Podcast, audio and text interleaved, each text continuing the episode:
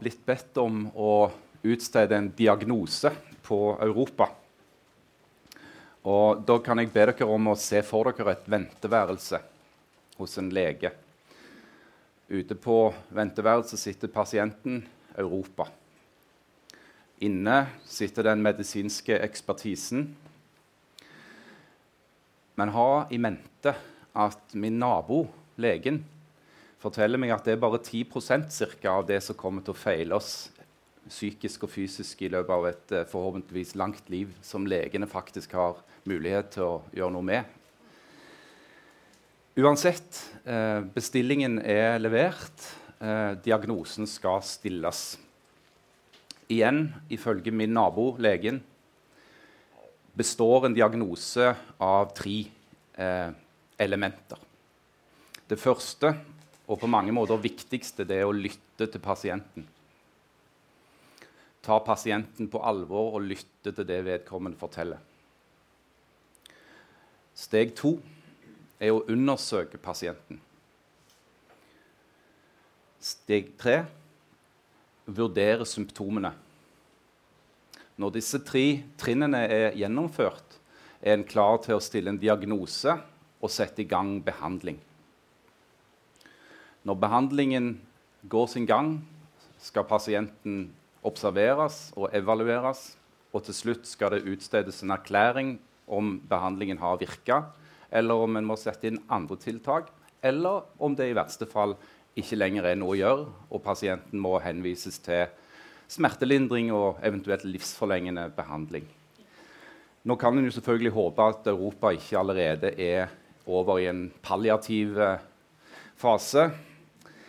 Men uansett så har jeg utfordra dette panelet til å begynne med å forsøke seg på en diagnose.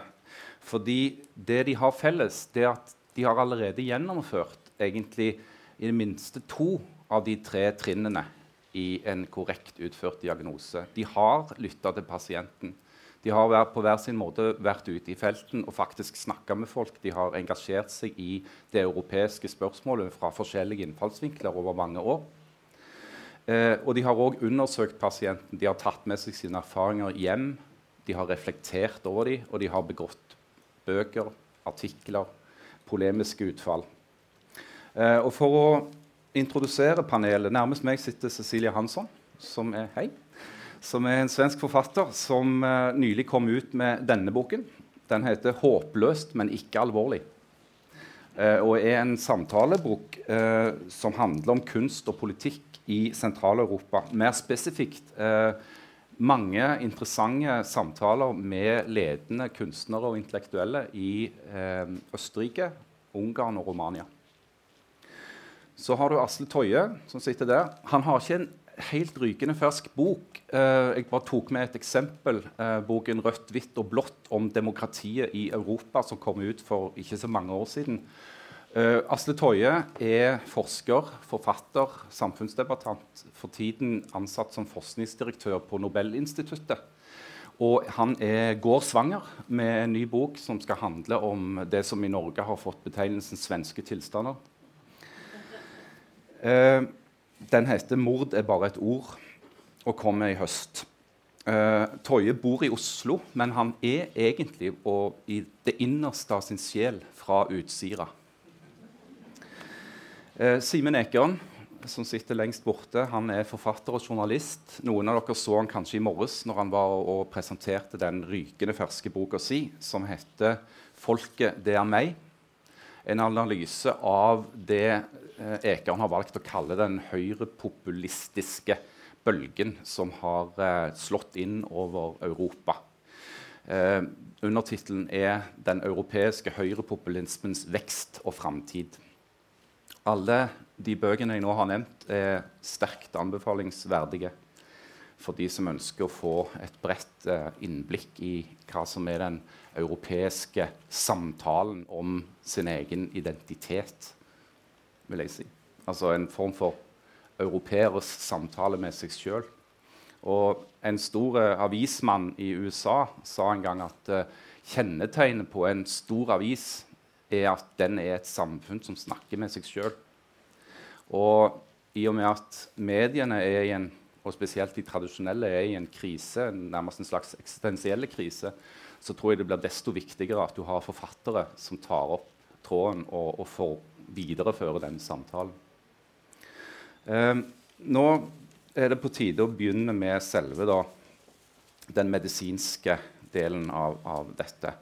Og Cecilie Hansson, hvis du skal utstede en diagnose på Europa akkurat nå, hva vil den være? Hva er det som er galt? Ja, jeg, jag, sitter og tenker på mine länder, så Ungarn og Rumänien, som, som jeg tenker mest på. Så, jeg er jo redd for för amputation.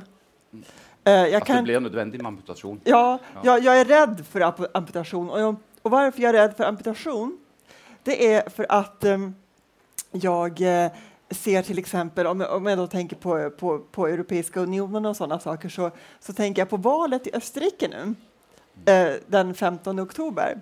Det ser inte ut att resultera i någon eh, amputation, som tur är. Men Österrike har ju också ett, ett, ett förflutet utav att, eh, att det var presidentval förra året. Jag ska säga några saker, men jag vill bara säga att Österrike är ett land där psykoanalysen alltid är närvarande. Så att det som hände för ett år sedan kan bubbla upp, liksom, eller för 50 år sedan eller 70 år sedan. Freud är alltid i källaren. Freud är alltid i källaren och mm. nazismen kan poppa upp när som helst. Eh, eller de bruna underströmmarna. Men jag tror så här att, att Österrike, eh, där, där, där ser vi nog ingen amputation. Däremot vad vi ser i Österrike som är jätteintressant just nu, det är en, att det här parlamentsvalet som kommer att ske den 15 oktober, så har man en, en, en man som heter Sebastian Kurz som har tagit, eh, blivit partiledare för det konservativa partiet ÖVP och tagit eh, helt enkelt gått in för att reformera partiet. Han är bara 31 år och han går fram som en eh, stormvind genom Österrike och får jättemycket röster ifrån det högerpopulistiska FPÖ. Eh, får, de rösterna får han ju för att han eh, jobbar med högerpopulistisk eh, tematik och retorik, så det är ju inte bara eh, ja, man kan ha olika tankar. Men Österrike känns ändå så här, okej, okay, Kurz kommer antagligen att bli vald, det tror alla. Eh, men, men jag tror att han kommer inte att föra Österrike ut ur EU, det tror ingen. Hade däremot eh, president, hade, i presidentvalet förra året, så då, då fanns det två kandidater, en grön från de gröna och, och en från det högerpopulistiska FPÖ. Hade han vunnit, då hade det kunnat bli en amputation. Det hade inte varit roligt. Ungern däremot, jag mejlade igår med es, eh, Ester Babacic som är akademiker och jobbar på universitetet. Där känns det som att folket står och väger. Vill man amputeras eller inte från EU? Det, finns, det känns som att i Ungern så går läget från att ha varit hopplöst men inte allvarligt mot att vara allvarligt men allvarligt mm. Eh, på ett allt mer oroande, nu ska inte jag babbla för länge, men Ungern, möjlig amputation. Rumänien, som jag ändå har haft mitt hopp. Jag blöder lite för Rumänien, för att vara lite extra rolig här med blod. Ja. Det finns också en hel del blod i min bok, men det är en annan historia. Rumänien eh, är ju ett land som har fått många fördelar av EU, eh, men det finns också i Rumänien eh, en, en vilja idag, eller det finns någonting att man drömmer sig tillbaka till Ceausescu-tiden mm. och blickar nästan mot Ryssland fast Eh, för man är omgiven av sådana länder, i att det finns oro för att den regeringen blickar åt Ryssland, samtidigt så är man Rysslands eh, rädda för det. Så, så det är möjligt att rumänerna har mer behov for en psykolog? Rumänerna skulle behöva göra upp med eh, lite av varje, tror jag, även Securitate-tiden. Så jag ordinerar dem psykoanalys mm. från Wien och så vi kan gå vidare. ja, um, Asle Toje, um, är det så att Europa trenger intensiv behandling, eller er det bare snakk om en Ibux e og en god natts søvn? Eh, ja. Problemet eh, som leger ofte kommer opp i, er at eh, man ikke er den første legen som pasienten har besøkt. EUs eh, e sykdomsbilde er et komplisert eh, sykdomsbilde. Vi har en union som sliter med infeksjoner som ikke vil gro. Eh, pasienten lider av, eh, av, sporadiske depresjoner eh, som eh, leder ut i lange perioder med total handlingslammelse.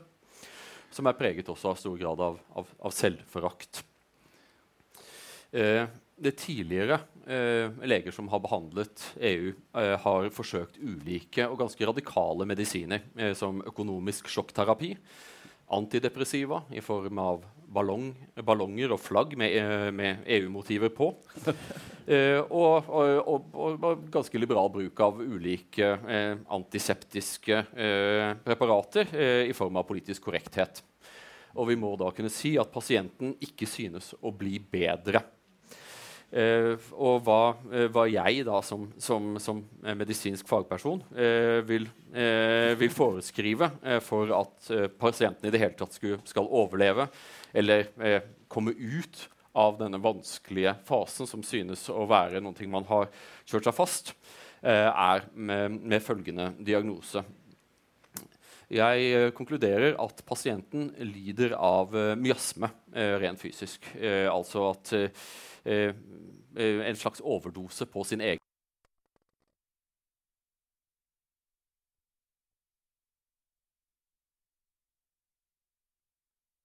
vendt seg mot eh, korpus og gjør den syk. Eh, og dette er da den, den, fysiske komponenten. Men det er også en sterk psykiatrisk komponent. Eh, eh, det, pasienten lider av et ødipuskompleks. Eh, der eh, den på den ene siden har et uuttrykt ønske om å drepe sin far, altså nasjonalstatene som skapte den, og et ønske om å ligge med sin mor, altså da nasjonene som utgjør den europeiske union. Uh, og jeg foreskriver derfor uh, at, uh, at denne Vi må ha en, en, en, rad med ulike medisiner som man da kan, kanskje kan sendes under fellesnavnet variabel geometri. Eh, der eh, man går bort ifra eh, at, at, hele korpus må bevege seg i samme retning hele tiden. og så foreskriver jeg store mengder med samtaleterapi, der, man, der, pasienten lærer seg å bli ærlig med seg selv og ta tur med en del av disse problemene som man forsøkte å, å behandle med antiseptisk politisk korrekthet. Da sier vi takk til professor Toje. Doktor eh, Deler du uh, din lærde kollegas uh, analyse? Er det sånn at uh, Europa trenger massiv psykiatri, eller kan det tenkes at det er nok å bare ha en god venn å snakke med? Først, på vegne av alle som har lest George Orwell, så vil jeg bare be om unnskyldning for alle disse metaforene. Orwell sa jo at det sikreste tegnet på at man ikke selv følger med på hva man skriver, er når metaforene kolliderer. Uh, så når man sier at Stortinget må stå støtt på sitt fundament, så politikken kan få luft under vingene, f.eks., eh, så betyr det at ingen kommer til å høre på hva du sier, og, og det betyr også at du ikke har eh, fulgt med da du skrev selv. Så jeg ber på forhånd om unnskyldning for de videre metaforene vi kommer til å eh, eh krasje med her i dag. Eh, når det er sagt, så har jeg skrevet en bok om en slags um, populistisk uh, influensa, kanskje, da, sånn som uh, denne sykdommen iallfall er beskrevet fra uh, den politiske, et, det etablerte politiske livet i Europa. Uh, for noen år siden så ble Herman van Rompuy, da han ble innsatt som president for Det europeiske råd, så sa han ble han spurt om hva den største faren som truet Europa var. og Da sa han populisme. og På den tiden så hørtes det litt rart ut, syntes mange, fordi det var mange andre ting som var mer akutte. Men, men uh, noen år senere så har det blitt en gjengs sak, uh, i alle fall hvis vi ser på, på stats- og regjeringssjefer i Europa. Populisme har i 2017 vært den store trusselen, sånn som det ble presentert. Og så har vi jo plutselig sett et skifte. En slags merkelig, magisk forbedring Eh, der eh, tre valg, Østerrike, Nederland og Frankrike, eh, ikke der, der denne, denne, influensaen ikke fikk så godt tak som man hadde fryktet eller trodd. Da. Og det har jo da fått EU-parlamentets leder til å erklære at populismens vekstsesong er over. Eh, eh, og plutselig så er det valg i Tyskland igjen, og alternativ for Tyskland kryper oppover 10-12% og kommer til å gjøre sitt beste valg noensinne. Så det er jo åpenbart sånn at man kanskje jeg vet ikke, hadde litt flaks eller tok to Paracet sånn, men, men uh, min diagnose er nå i alle fall at uh, for den som ser denne populismen som et sykdomstegn, så tror jeg det er ganske klart at den ikke er kurert. Og så kan man diskutere hvorfor det er sånn. Er det sånn at populismen kanskje ikke er en sykdom? Kanskje den snarere eh, er et slags sånn tegn på, på sunnhet, da, fordi det er Europa som organisme som er syk. Mange vil jo hevde det. Eh, at dette snarere er et slags sånn uttrykk for ja, f.eks. folkenes frihetstørst. Eh, at nasjonalstatene har det bedre når de er på egen hånd, og at det er selve denne samlingen som gjør eh, pasienten eh, syk. da. Um, og, og, og, der eh, vil jeg bare helt til slutt, for å fullføre diagnosen som fagperson Så må du ha respekt for leger. Det er for lite respekt for leger i vårt samfunn. Så vil jeg derimot da snarere si eh, mot dem som hevder dette, så vil jeg si at jeg tror at i mange av disse landene, særlig i Frankrike, eh, men også i Tyskland nå, og i noen grad i andre land også, så er denne høyrepopulismen et resultat både av eh, eh reelle skader og sykdommer og problemer som folk opplever i hverdagen sin, men også et resultat av en slags eh, dystopisk panikkangst eh, som man har dyrket og levd i og forsøkt å eh, eh, bruke politisk. Og jeg mener jo at ideer har en eh, reell virkning.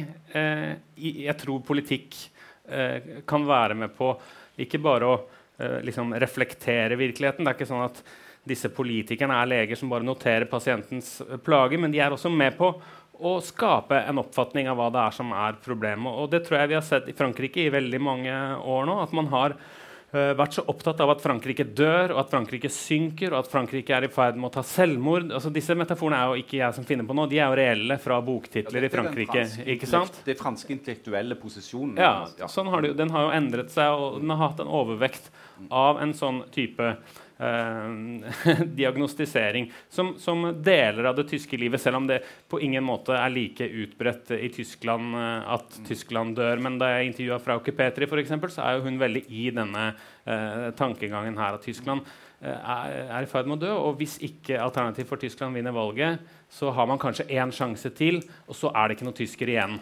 Uh, så, så, så, da snakker vi jo en nokså alvorlig sykdom, da, hvis vi skal lytte til høyrepopulistene. Men jeg tror eh, tanken er at man ikke, ikke, skal gjøre det. Det er snarere litt, uh, ja, litt samtaleterapi og litt psykiatri som også må til. Man er nødt til å finne andre visjoner og andre Uh, mulighetsrom å drive politikk i. En som ikke er drevet mot undergangen. For jeg tror hvis man bare ser fram mot en sikre død, uh, så er det vanskeligere også Min far er psykiater, og, og han uh, pleier ofte å bekrefte det at jo sikrere man er på at man kommer til å bli alvorlig syk, jo større er sjansen for at man gjør det. Så litt optimisme vil jeg hva heter det, foreskrive. Men, men for å, og Takk til, til doktor Ekan. Um, men altså, for å holde oss litt i, i somatikken, eh, så vil en jo hevde at eh, hvis Europa har et form for immunforsvar, eh, så kan denne folkelige motstanden, eller motstanden mot det europeiske integrasjonsprosjektet kanskje betraktes som en form for feber som oppstår, oppstår fordi eh, den europeiske kroppen prøver å bekjempe en eller annen form for infeksjon. Eh, professor Toje? Det, det, som har skjedd uh, Nå bare hopper jeg ut av, uh, ut, ut, ut av, ut av medisinen og over, over, i realitetene. Det, det, det, som har skjedd, kjære venner, er at man hadde et europeisk integrasjonsprosjekt. Eh, som var et eliteprosjekt. Det var et prosjekt som appellerte sterkest til elite, var formulert av eliter, og det var aldri ment å ha noen særlig folkelig appell. Og dette prosjektet dyttet man framover og framover. Eh, på tross av at man fikk en del fartsdumper, som da eh, danskene sa nei til Maastricht-avtalen, da eh, grunnlovstraktaten havarerte i Frankrike og Nederland, da Lisboa-traktaten ble, eh, ble, ble, forsøkt stanset av irene, så har man bare fortsatt å pushe videre og videre. Og europeisk demokrati kjære venner, det er muligheten til å ønske mer Europa. Eh, det fins egentlig sett fra Brussel egentlig ikke noe alternativ til dypere integrasjon. Så du kan få hva du vil ha, så lenge du ønsker mer integrasjon. og Da kan du få det. Eh, og på, på, på, samme tid så ser vi at europeisk integrasjon har spredt sine goder meget ujevnt. Eh, for mennesker som oss eh, så har europeisk integrasjon gjort eh, oss mer mobile. sannsynligvis både Vi har fått bedre ånde, vi har eh, blitt vakrere, og vi flyr mer. Vi har fått et mye større arbeidsmarked. en Våre liv er på mange måter bedre. Men for veldig mange europeere så har ikke europeisk integrasjon levert varene. Eh, lenge var det slik at Europa eh, var et sted hvor man kunne kjøpe eh, amerikansk teknologi til, uh, til, asiatiske priser for europeiske lønninger. og Det var en veldig bra deal vi hadde. Uh, og siden finanskrisen så har det ikke lenger vært slik. Og I denne konteksten så har EU måttet lære en veldig vanskelig lærdom. Det at med makt så følger ansvar. For, for EU, så, i hvert fall i Brussel, så virket det som at det var eh, helt uventet at noen kunne finne på å gi EU skylden for den økonomiske krisen, eh, på tross av at EU har, til, har tilegnet seg stadig mer beslutningsmyndighet på disse feltene. Og vi nå står, i, står da i en, i en, situasjon der man har eh, en europeisk union som, om man liker det eller ikke liker det, er den viktigste institusjonen, den viktigste samarbeidsformen det, i, i, Europa. Men en, eh, en, union som ganske enkelt ikke er spesielt populær blant mange europeere. Mm. Og det har EU en vanskelig, vanskeligheter med å løse. Uh, Cecilie Hansson, uh, et av landene som, som, jeg nevnte innledningsvis du har, har sett nærmere på, er Ungarn. Og Ungarn har jo også blitt framholdt som et eksempel på et land som har tatt sjumilssteg i, i feil retning, hvis en snakker om eh, både det kan du si, europeiske integrasjonsprosjektet, men òg i, i, kanskje i antidemokratisk ja. retning, altså med angrep på maktfordelingsprinsippet. Eh, du har en autoritær dragning der. I tillegg så har, altså, som du skriver i boken, 300 000 uh, ungarere flytta frivillig mm. fra landet mm. fordi de ikke føler seg komfortable med å bo der lenger. Uh, altså, er, er Ungarn et slags symptom? Ja, jag vet inte vad, precis. Jag tänker just när vi pratar om europeisk integration och sådana saker att när då flyktingkrisen 2015 mm. eh, så eh, och, och, alla har ju sett de här nyheterna från Ungern och med, man byggde upp ta taggtråd och allting. Ungern behandlade inte flyktingarna väl så att säga. Men det fanns också i Ungern en slags motrörelse, en folklig motrörelse som också som, var, som, som man läste mindre om i, i media och så där. Alltså att folk som också ville hjälpa till helt enkelt. Och jag känner mig länge, trots att Fidesz har makten i Ungern sedan 2010 och att, och att det blir åtstramningar för, för intellektuella och liksom i, på universitet och för konstnärer och författare. Och, eh, konsten blir allt mer nationalistisk, så har jag ändå i min lilla... Jag har gått och känt ett hopp ändå för Ungern. Det här hoppet börjar på något sätt falna. För jag tycker att, precis som du säger, att, att läget i Ungern blir bara mer och mer galet eh, på, ett, eh, på ett jätteobehagligt sätt. Alltså att man, nu till exempel så är det nästan inga flyktingar som kommer till Ungern till exempel därför att ja, det går inte helt enkelt.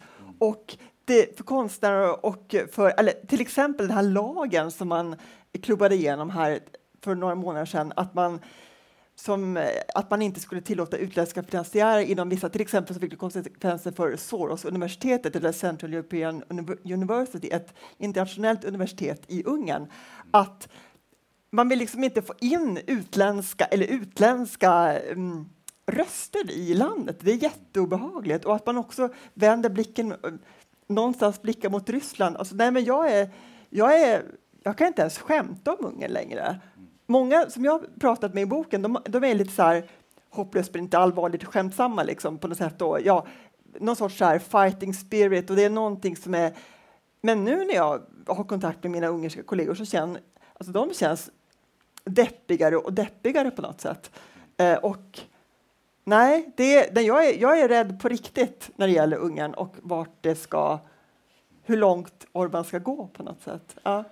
Uh, Asle Toyes, som, som man vil kunne si den mest uttalte euroskeptikeren i, i panelet. Eh, bekymrer du deg over utviklingen i Ungarn av samme grunn som, som eh, folk som er mer eh, euroentusiastiske? Eh, ja, det er, det er, mye å bekymre seg over i, i Ungarn. Kanskje ikke primært Fidesz-partiet, men, eh, men, partiet Jobbik, som ligger lenger til høyre, eh, er, er, en, er en riktig uspiselig. Jag, måste, förtränger jag på, på så här klassisk psykoanalytisk vis, för de är så ruskiga så att jag vill inte ens ta in det. Eh, Nei, men jeg skjønner, det skjønner, ja, det skjønner jeg veldig godt. Eh, Men, men, sa- sa- ok, men eh, la, la, oss, la oss se det fra et annet synspunkt. Saken er at I EU så har det vært en implisitt antakelse om at når et land melder seg inn i EU, spesielt hvis landet er fattig, så er det landets oppgave er egentlig eh, tilgi meg ordbruken, å holde kjeft. Så lenge du får penger fra EUs budsjetter, så skal du være, sitte stille og takke pent.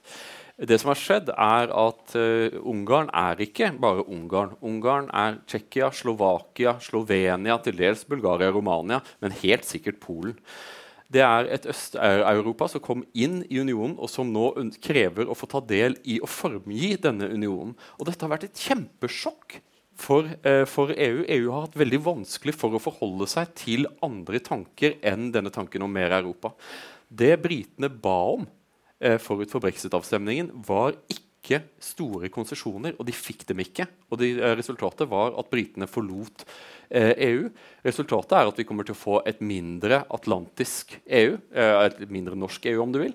Eh, og samtidig så ser vi at den blokken i øst, spesielt med eh, voteringsmekanismene, gjør at et Polen med 40 millioner innbyggere har en betydelig vekt. Og de krever å bli hørt, og de krever å få være med og gi retning for dette prosjektet. Og den formen for euroliberalisme som har dominert i Brussel, er noen ting som har veldig liten oppslutning i, eh, i, eh, i, eh, i Øst-Europa. Bare for å gi et lite eksempel. sånn som I Norge så blir jeg oppfattet som å ligge liksom ute på høyresiden. I Polen så ble jeg invitert av den liberale tenketanken. Så jeg er, liksom, jeg er eks- skoleeksempel på en, en god liberaler i Polen. For at, eh, i Polen så er eh, debatten er så langt til høyre. at, at, en, at en norsk konservativ blir en, blir en sånn pil og en lengten mot en, liberal fremtid. Og på et eller annet måte så må EU ta tur med det, dette, og den striden kommer til sannsynligvis til å handle om flyktningekvotene, tror jeg. Den fighten om flyktningekvotene, om EUs vedtak om tvangsfordeling av flyktninger blant alle medlemslandene, som eh, Ungarn har satt seg imot, og som Slovakia eh, står skulder til skulder ved dem på.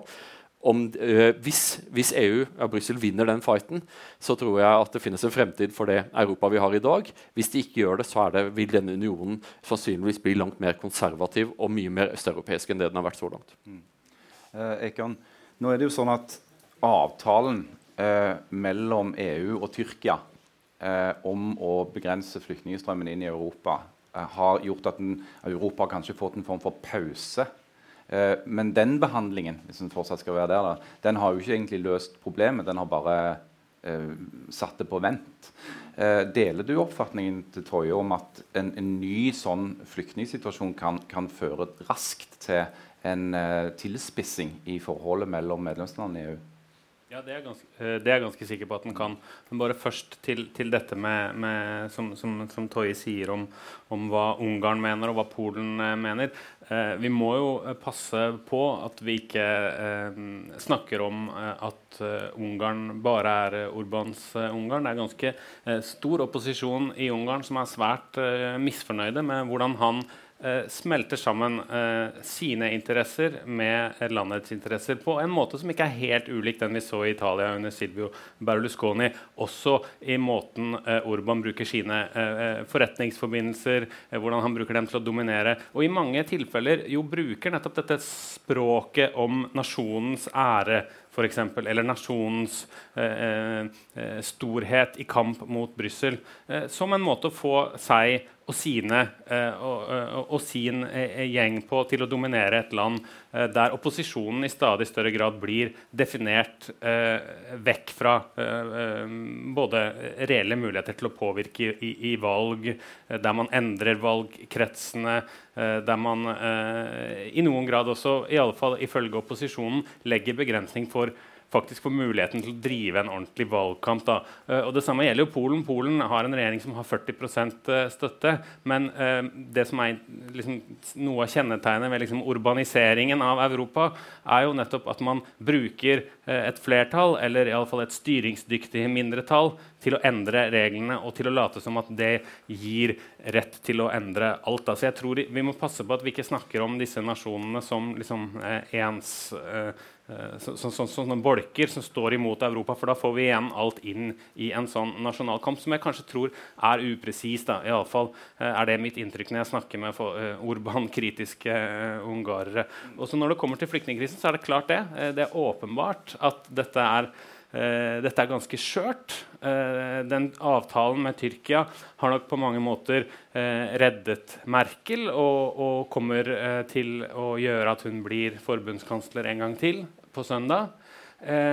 men det er jo en avtale med enorme problemer. For vi ser jo samtidig som at den avtalen er inngått, så har forholdet mellom Tyrkia og Tyskland aldri vært, eller ikke vært så dårlig på, på ikke så lenge jeg kan huske, eh, i, i alle fall. Eh, ekstremt tilspisset retorikk mellom Tyrkia og Nederland, som vi så i valget som var der. Um, eh, og det er klart, Den avtalen ble nå kopiert uh, i Libya, der Italia har laget en veldig uklar og lite gjennomsiktig avtale med forskjellige libyske myndigheter og militsgrupper og ifølge anklagene også tidligere menneskesmuglere som nå plutselig har blitt Europas grensevakter altfor Eh, tror jeg, eh, for raskt fordi man er nervøs for eh, konsekvensene. Og det er klart at Så lenge man er redd for det neste valget, utelukkende, så gjør det nok også at man i noen grad er dårlig til å ta og bygge løsninger som eh, varer lenger. Da. Og jeg tror jo eh, måten man nå gir våpen og penger til grupperinger i Libya Eh, og krysse fingrene for at de holder det de lover, for det første, og for at ikke noe dramatisk skjer som gjør at de kan gjøre som Gaddafi pleide å si, at han skulle bare åpne slusene og slippe hele Afrika inn. Dette kommer jo ikke til å skje, tror jeg. Jeg tror ikke at immigrasjonen fungerer sånn. Jeg tror ikke dette er en flodbølge som står der og slår inn osv. Men det er klart at disse utfordringene eh, er helt reelle og krever nok et, et annet politisk lederskap enn det europeiske ledere har vist uh, hittil. Og da tenker jeg at For å holde litt fast i dette med diskusjonen om nasjonalisme uh, det, har, det, har, jo blitt hevda fra flere hold uh, og sagt her at, at, det å i det hele tatt uttrykke skepsis til tanken om en kontinuerlig progresjon i den europeiske integrasjonen. At dette er et prosjekt som bare går i én retning, i retning av en større og større integrasjon. Så har noen framholdt eh, den såkalte sunne nasjonalismen som en form for motvekt mot eh, denne eh, tankegangen om at det er en sånn linær eh, bevegelse fra liksom, nasjonalstater mot en union som, som til slutt da kanskje skal være fullstendig sånn at ingen ser på seg selv som, som ungarere lenger, men bare som europeere. men og så har vi akkurat lagt bak oss en valgkamp hvor det var, i alle fall var et intermesso eh, som handla om disse såkalte norske verdiene og hvordan de skal defineres. Men hvis en skal være litt villvillig der, så, så er vel det òg et, et, ærlig forsøk fra enkelte debattanter til å prøve å finne ut eh, kan vi være enige i dag om det fins noe som heter norske verdier. Hva er essensen av det norske? Eh, og så vidt jeg har klart å se, så er det jo en tilsvarende diskusjon i mange land nå i Europa. Altså, hvor en er veldig på utkikk etter hva er det som definerer oss som rumenere i dag, eller spanjoler eller uh, luxemburgere, hvis de har noen sjel igjen i det hele tatt. Så hva, hva, er, hva er, det? Og, og, og er, det, er, det, mulig i dag å ha en sivilisert samtale om disse tingene? Oh, Gud, vad svårt. Ja, som svensk her også, då, svenska värderingar. Det känns som en, en, något man nesten ikke det, det, är en debatt som är, vi pratade om lite innan här, det är svårt, väldigt svårt att prata om svenskhet. Eh, och eh, jag vet nästan hur man kan definiera den. Jag skulle kunna definiera... Du är i Norge nu, du kan göra det här. Ja, jag kan göra det här. Ja, det är bra. Men jag skulle kunna definiera mig själv som norrbottning, för det är liksom lite mindre riskabelt på något sätt. Då kan jag säga att vi pratar långsamt, vi är lite tröga, men ändå rejäla, sunt förnuft. Men när man pratar om svenska värderingar, då, då blir det, då, då hamnar man ofta i det, det, är också ett ord som kidnappas ibland av eh, någon som är för nationalistisk. Det, det, är, väldigt, det är väldigt problematiskt. Eh, jag tänker så här, en, en, en, att... Ja, gud, jag blir helt så här... Eh, om man då skulle prata om österrikiska värderingar till exempel istället, eller man säger vad är, vad är, vad, vad är Österrike, så här, eller vad är, vad är att man försöker Nej, jag, vet ni, ursäkta mig, alltså jag som svensk och pratar om nationalism, det är som att jag, jag, jag klarar inte det. Alltså det, är så här, det är som ett, så här, det är ett landssymptom. Alltså, men du, du, är, du är klar över att du sitter här och illustrerar ja, problemet? Ja, jag vet, jag, jag inser det. Och det är också att Det är som någon som hos psykologen som får en sån insikt på något sätt. Jag svettas väldigt mycket, men det är faktiskt på grund av lamporna och att jag har på mig ett norskt ullinne. Så jag har liksom den norska offerkoftan på mig. Men som svensk... Nej, men vi har problem i Sverige. Vi pratar om det. Jag, jag upplever just nu att den svenska politiken och den svenska... Vad är det som händer? Vi har haft eh, Birgitta Olsson avgick, eh, vår, eh, för några, någon vecka sedan, eh, vår socialliberala, eh, fantastisk EU-vänlig politiker eh, lämnade politiken, ville bli partiledare. Det hade varit väldigt fint om hon hade blivit det, tycker jag. Eh, lämnade Anna Kinberg Batra, som var partiledare för Moderaterna, fick lov att avgå. Eh, Anders Borg tog av sig byxorna, eh, för detta parti, eh, finansministern ut med honom också eh, på något sätt, även om han inte är politiker längre. Men det, det, det, är någon sorts kollaps och jag glömmer hela tiden vem som är den svenska statsministern, vad han heter. Det är så suddigt för mig och det är pinsamt. Jag, det är som att jag, men jag minns det inte. Stefan Löfven heter han, det vet jag. Men det är så otydligt så att vad är svensk politik? Ingen aning. Var är Sverige på väg? Ingen aning. Jag ska på Bokmästaren nästa vecka. Då kommer 800 av Nordens mest våldsbenägna nazister och demonstrerar, har sagt. Förra veckan så demonstrerade några på prov i Nordiska motståndsrörelsen. Polisen gjorde ingenting. Um, jag vet inte. Det känns inte som att Sverige är ett så kul land längre. Vi går videre, og så hoppas jeg ingen er svensk i publiken her. Ja. Du skal ha takk for dette frie vitnesbyrdet. ja. Og jeg ansøker nå om norsk medborgerskap også, kanskje. da. Det var, det var ondsinnet, stakkars, å gjøre noe sånt mot en svenske. da. Uh, ja, nei, problemet er liksom at uh, Problemet er spørsmålet finnes det norske verdier. Selvfølgelig, selvfølgelig finnes det ikke norske verdier. Eh, problemet er at vi lever i en, eh, i en, liberal tidsalder. Det liberale er det dominerende. Og eh, hele poenget med liberalismen er universelle verdier. Verdiene er universelle. Husker dere Verdikommisjonen? Da de trakk sugerøret ut av statsrådkassa og rapet fornøyd og fortalte oss at det var frihet vi ville ha. Ja, hva, det, liksom, hva skiller nordmenn fra absolutt alle andre mennesker da? Liksom, takk for den. Det forteller oss jo ingenting. Eh, saken er jo det at Vi burde ha denne debatten i kontekst av kultur.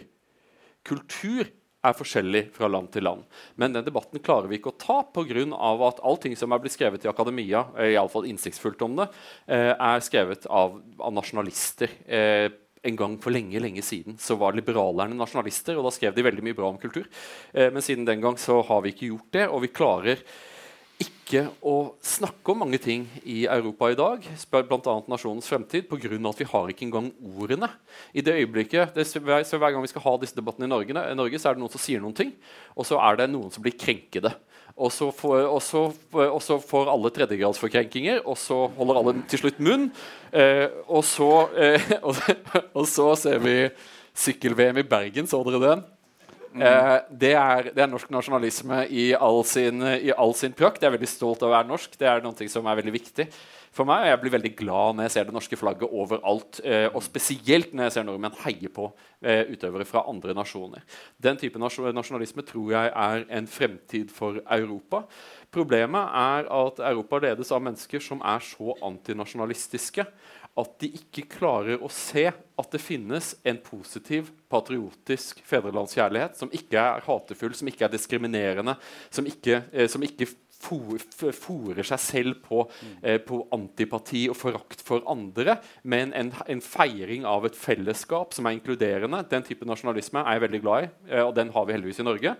Uh, og så har du en annen type nasjonalisme som dessverre preger mye av disse bevegelsene som Simen har skrevet sin eh, jeg antar utmerkede bok om. For øvrig, hvis dere ikke vet det, det er nesten ingen i Norge som skriver så godt norsk som Simen. Bøkene hans er en fryd å lese.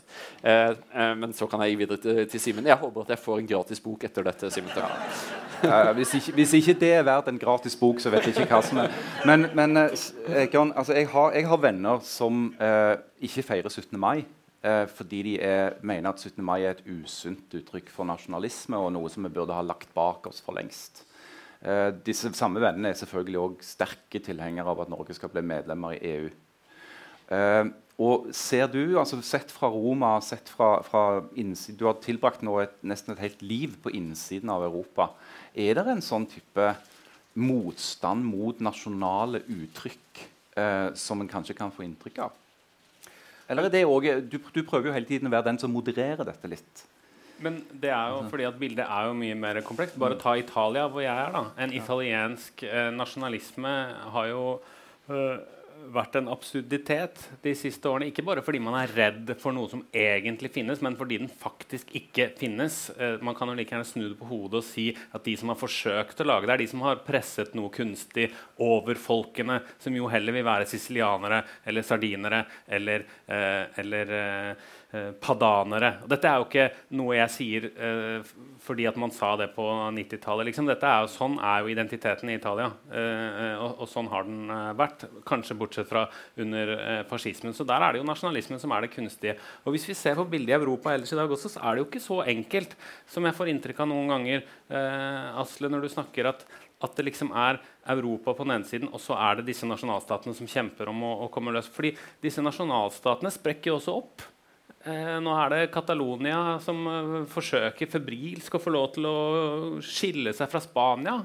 Hva er da Spania? Hva er spansk identitet? Det vil jo være helt absurd å ha den diskusjonen på samme måten som vi eh, eh har hatt om norske verdier. Sånn det er ikke sånn at det går an å si at det er liksom en sånn naturtilstand som har blitt frarøvet de europeiske folkene, fordi virkeligheten er fryktelig mye mer kompleks i Europa. Og det er nok også derfor eh, jeg tror at uh, en sånn god nasjonalisme, som jeg langt på vei kan være enig i at vi har i Norge, men, men å se det som en, sånn, uh, en slags sånn, uh, god løsning for alle andre, det, det syns jeg er helt absurd. Og så tenker jeg også at brexit-avstemningen viste jo også noen ting om hva som skjer når man plutselig skal begynne å, å lete så febrilsk etter sine nasjonale verdier, i, kanskje i en tid der man egentlig ikke hadde tenkt at man skulle begynne å, å gjøre det engang gang, så ser man i alle fall hvor lett en sånn diskusjon kan tas over da, av folk som har reelle politiske prosjekter på gang som kanskje ikke er så bra. Jeg er ikke så sikker på at man kan ta tilbake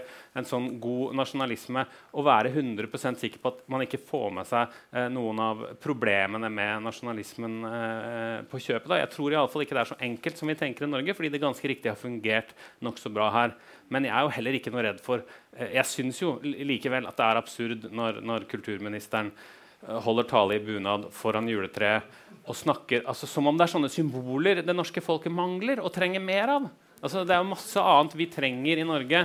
Eh, men, men, at vi skulle liksom trenge mer vafler og mer bunad, det syns jeg er fullstendig absurd. Og heller ikke noen norske kanon for litteratur. Altså. Det er et så språkbevisst folk Eh, med en sånn nærhet til identitet og til litteratur som man ser rundt omkring i Norge, at dette liksom skulle være under, eller at det er dette som er under press eller, eller, eller truet, det, det, jeg, det, det, det, jeg, må jeg si synes har vært veldig besynderlig å være vitne til de siste årene. Var, det var, jo populært i, i debatten, på, på, særlig på 90-tallet og på begynnelsen av 2000-tallet, å hevde at uh, det en vil få, er en, uh, en form for transisjon fra, fra nasjonalstatenes Europa til regionenes og byenes Europa.